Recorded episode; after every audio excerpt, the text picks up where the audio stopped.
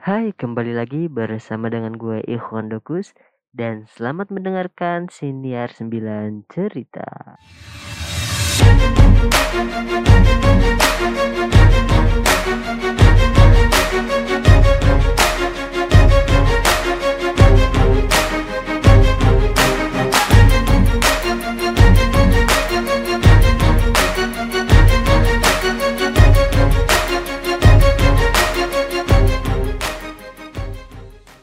Di kesempatan kali ini, gue akan cerita tentang pengalaman gue selama di masa perkuliahan, terutama selama satu tahun pertama di masa TPB atau masa eh, apa sebutannya TPB itu ya kepanjangannya TPB tahap persiapan bersama kalau nggak salah ya.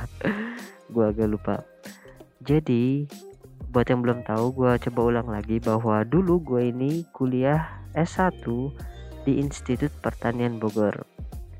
Nah, di EPB itu untuk mahasiswa baru satu tahun pertama mereka harus kudu wajib tinggal di asrama.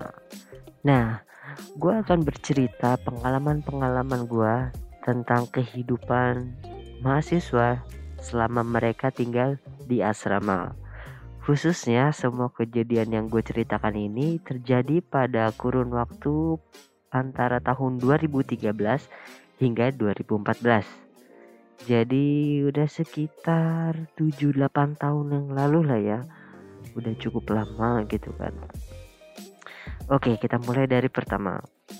Untuk asrama di IPB, asrama putra dan putri itu dipisah jadi setiap asrama memiliki lokasinya masing-masing. Untuk asrama putra memiliki asrama C saat itu.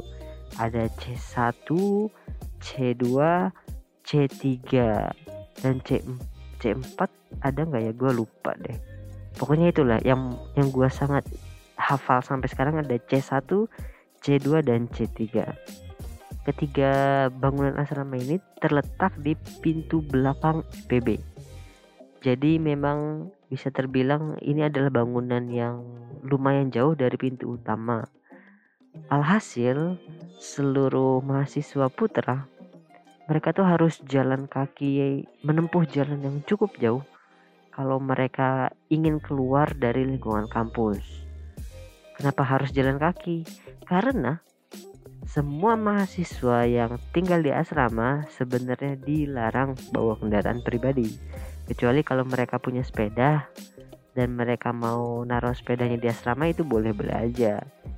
Tapi bisa dihitung jari lah siapa gitu kan yang punya sepeda pribadi. Kemudian eh, karena jaraknya yang jauh tadi nah ini nih yang bikin asrama putra terutama ya itu anak-anaknya pada males untuk beli makan keluar dari asrama Kenapa? Ya karena jaraknya tuh jauh banget. Bayangin ya, kalau misalnya mau makan ke tempat terdekat, ke kantin terdekat, ya kita bisa jalan 10 sampai 15 menit untuk mencapai kantin tersebut. Sampai kantin kita makan 5 menit. Selesai makan, jalan lagi pulang ke asrama 10 sampai 15 menit. Bayangin, 20 sampai 30 menit itu kita habisi waktu hanya untuk jalan ke tempat makan. Makannya cuma 5 menit. Perginya lapar, selesai makan kenyang, pas jalan pulang sampai asrama, lapar lagi. Makanya tuh, banyak banget anak-anak asrama saat itu kalau mereka tahu ada temennya yang mau beli makan keluar, langsung semuanya berbutan. Woi, mau ke mana lu? Gitu kan. Mau keluar ya? Beli makan. Nitip nitip nitip. Yang lain ada yang denger siapa tuh yang mau keluar? Nitip juga dong nitip. Yang tadinya kita mau bantu satu dua orang tiba-tiba bisa empat lima orang tuh yang nitip. Yang belinya cuma satu orang. Bayangin lu sendiri beli makanan pulang-pulang nenteng banyak plastik nenteng banyak kantong gitu kan ini orang kalau ngeliat ini orang rakus atau gimana? Gitu. Ya, tapi pada saat itu memang itu jadi hal yang lumrah lah di di dalam kehidupan asrama terutama untuk mahasiswa uh, di asrama putra gitu. Sampai ada momen di mana temen gue nih mungkin saking keselnya gitu ya saking capeknya gitu lah dititipin makanan. Setiap dia mau keluar pokoknya itu dia, dia langsung nolak lah kalau ada yang nanya eh mau ke mana? Enggak enggak enggak enggak langsung lari. Pada baru ditanya mau ke mana aja itu udah kayak lagi ditodong senjata gitu. Langsung kabur. Padahal siapa tahu pengen dijajanin gitu kan. Eh lu mau ke mana? Ayo sini gue jajanin. Kan bisa bisa jadi aja kayak gitu. Ya tapi mungkin karena memang udah terlalu terbiasa gitu banyak orang yang nitip jadi pada males kalau berkata jujur mau ke mana itu dari kebiasaan beli makanan di luar nah di asrama ini terutama di asrama putra kita ini tidur dalam satu kamar nggak sendirian. Jadi setiap kamar bisa diisi 3 sampai 4 orang. Ini salah satu menurut gua hal yang jadi keunggulan. Kenapa gue bilang ini jadi keunggulan? Karena kita tuh jadi dilatih. Dan kita tuh jadi belajar banyak bagaimana bersikap dengan orang yang beda gitu. Uh, orang yang punya latar belakang beda orang yang punya kebiasaan beda dengan kita. Wah pokoknya kita belajar toleransi sebenarnya di sana tapi yang jadi masalah ada aja nih teman-teman lain gitu kan meskipun yang bukan nggak sekamar gitu ada aja teman lain yang kadang ke kelakuannya tuh aneh-aneh gitu. di asrama saking banyaknya mahasiswa dalam satu gedung dan karena toilet yang tersedia itu hanya ada di setiap pojok-pojok lorong gitu karena asrama putra C1, C2 dan C3 pada saat itu bentuknya seperti bangun bangunan rumah sakit kemudian ada lorong-lorongnya. Nah toilet atau kamar mandi itu tersedia di setiap pojok-pojok lorong. Intinya gitulah. Dan satu pojok lorong itu bisa ada mungkin 8 atau 10 kamar mandi gitu. Ditambah dengan tempat nyuci bajunya di luar kamar mandi. Nah kan nggak mungkin ya dalam satu waktu semua mahasiswa mandi bersamaan e, menggunakan kamar mandinya masing-masing. Karena mau nggak mau ya harus antri. Karena saking banyaknya mahasiswa. Ini nih yang jadi rutinitas setiap pagi. Siapa pun mahasiswanya kalau udah ada jadwal kuliah pagi meskipun ngantuk-ngantuk tuh dari abis subuh udah mulai banyak yang antri. Antri kamar mandi. Masalahnya kan orang yang ke kamar mandi kadang nggak cuma mandi ya. Ada yang harus buang air kemudian ada yang harus ya mandi. Ya pokoknya banyak lah. Sampai karena saking ngantuknya nih banyak banget yang antri. Bukan orang yang jadi yang antri tapi gayung. Jadi mereka datang set. Oh udah ada orang. Ya udah dia naruh ga, naruh gayung tuh di depan pintu. Nanti ada lagi yang datang wah udah ada gayung. Dia bawa gayung lagi taruh di belakang gayung yang tadi. Terus ada orang lagi yang datang nih. Wah ini kosong nih cuma ada gayung. Masuk ah. Ya itulah kehidupan mandi memandi mahasiswa asrama. Jadi dari pagi kita harus sudah siap-siap untuk antri mandi gitu nah ini nih yang jadi unik ada kamar-kamar yang diisi oleh mahasiswa-mahasiswa dengan tipikal yang beda.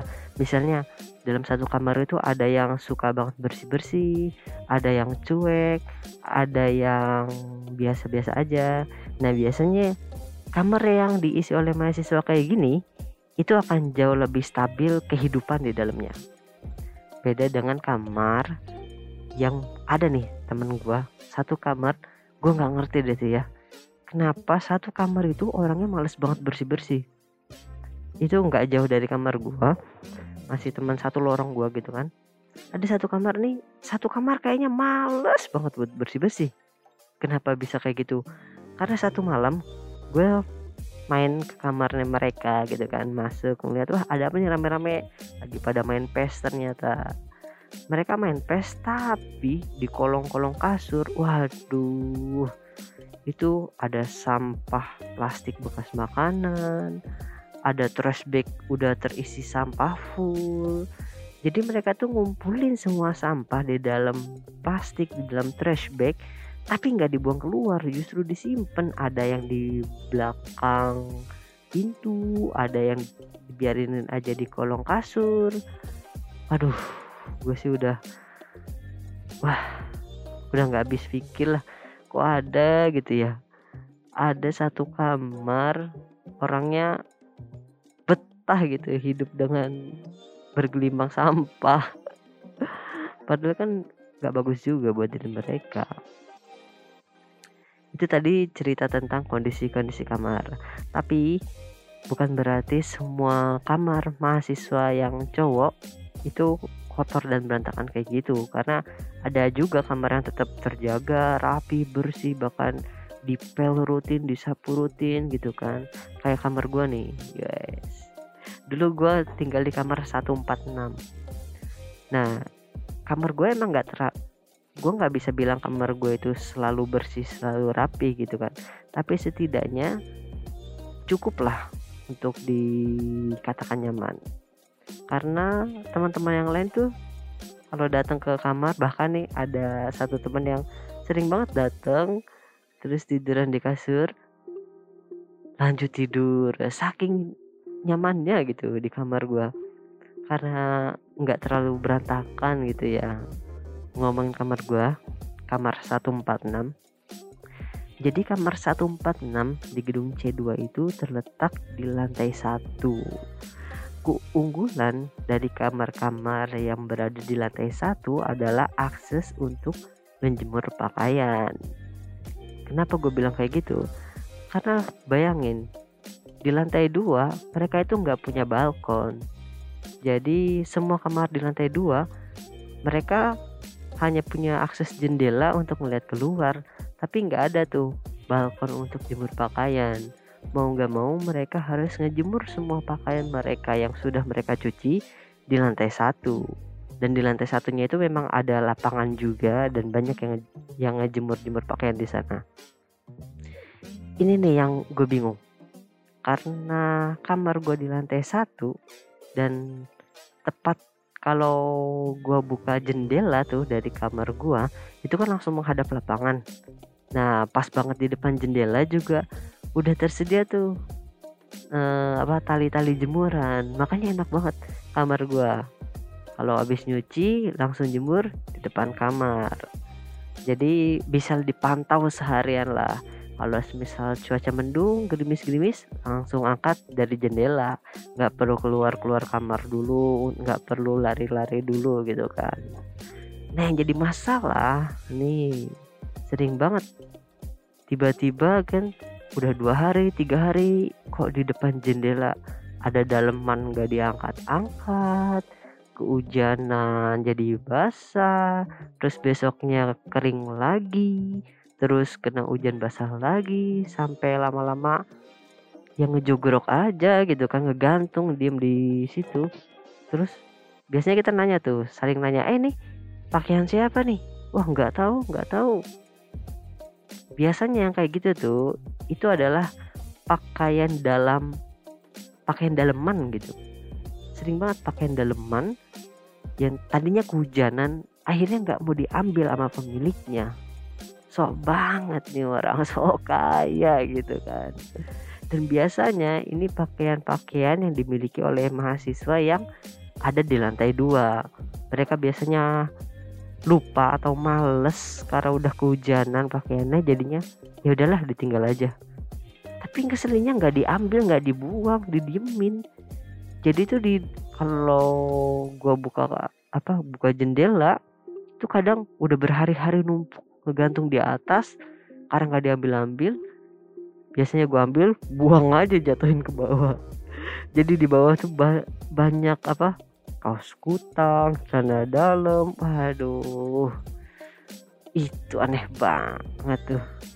Mengganggu jadinya kan. Dari yang orang males ngambil jemuran. Sampai ada kasus nih. Sampai ada kasus teman sekamar gua. Celana dalamnya hilang.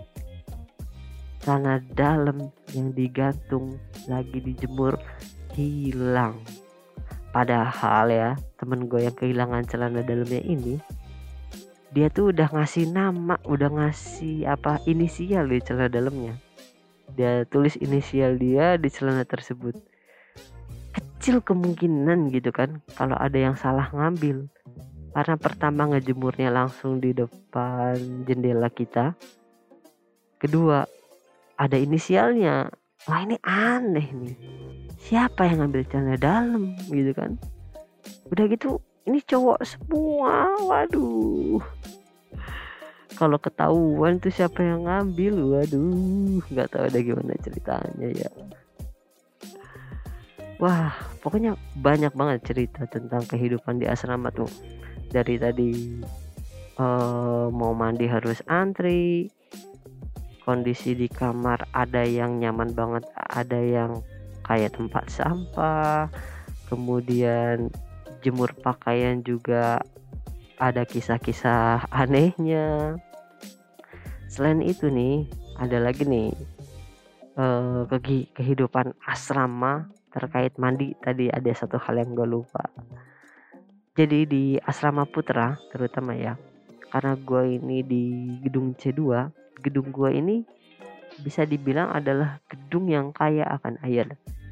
Karena dari ketiga gedung ada di lokasi itu C1, C2 dan C3 C2 berada di bagian permukaan tanah yang paling rendah. Jadi kalau air tanah yang tersedia di gedung C2 itu jauh lebih banyak daripada gedung C3 maupun C1 nah ada masa-masa di mana ketika mesin air sedang mati atau listrik lagi padam. Nah, kalau listrik lagi padam atau kalau lagi musim kering, itu yang jadi PR. Mereka yang dari gedung C1 dan C3 biasanya sering kehabisan air lebih dulu. Jadi C1, C3 udah kehabisan tuh, udah nggak ada air, tapi C2 masih normal. Udah kayak gitu biasanya mereka dari C1 dan dari C3 tuh bawa gayung bawa anduk ke C2 jadi mereka langsung karena harus ada kuliah pagi gitu kan harus buru-buru mandi mereka nyari ke gedung lain. Bahkan nih waduh saking kayaknya kali ya. Karena kehabisan air air yang nggak ada ada yang mandi pakai air galon. Bayangin air galon tuh galon yang gede dibawa ke kamar mandi dituang mandi pakai air gayung. Eh, air gayung. Mandi pakai air galon bayangin. Jadi nggak cuma hanya bisa sikat gigi bisa juga tuh nyeduh kopi. Ya banyak lah kalau diceritain masih banyak banget eh, hal-hal uh, menarik pada saat gua kuliah di tahun di awal tahun 2013-2014 tuh selama di asrama. Mungkin nanti gue bisa bikin part 2 nya dari kehidupan asrama putra gitu. Karena masih banyak banget hal yang bisa gue ceritain. Tapi kayaknya ini juga durasinya udah lumayan lama. Jadi akan gue lanjutkan lah untuk cerita mengenai kehidupan asrama di IPB pada episode selanjutnya. Terima kasih sudah mendengarkan Siniar 9 Cerita. Jangan lupa semua episode dari Siniar 9 Cerita bisa kalian dengar langsung di YouTube-nya Ikhwan Dokus atau bisa juga mendengar di portal-portal podcast, salah satunya di Spotify. Oke, terima kasih banyak telah mendengarkan cerita gua yang ngalor ngidul. Sampai jumpa.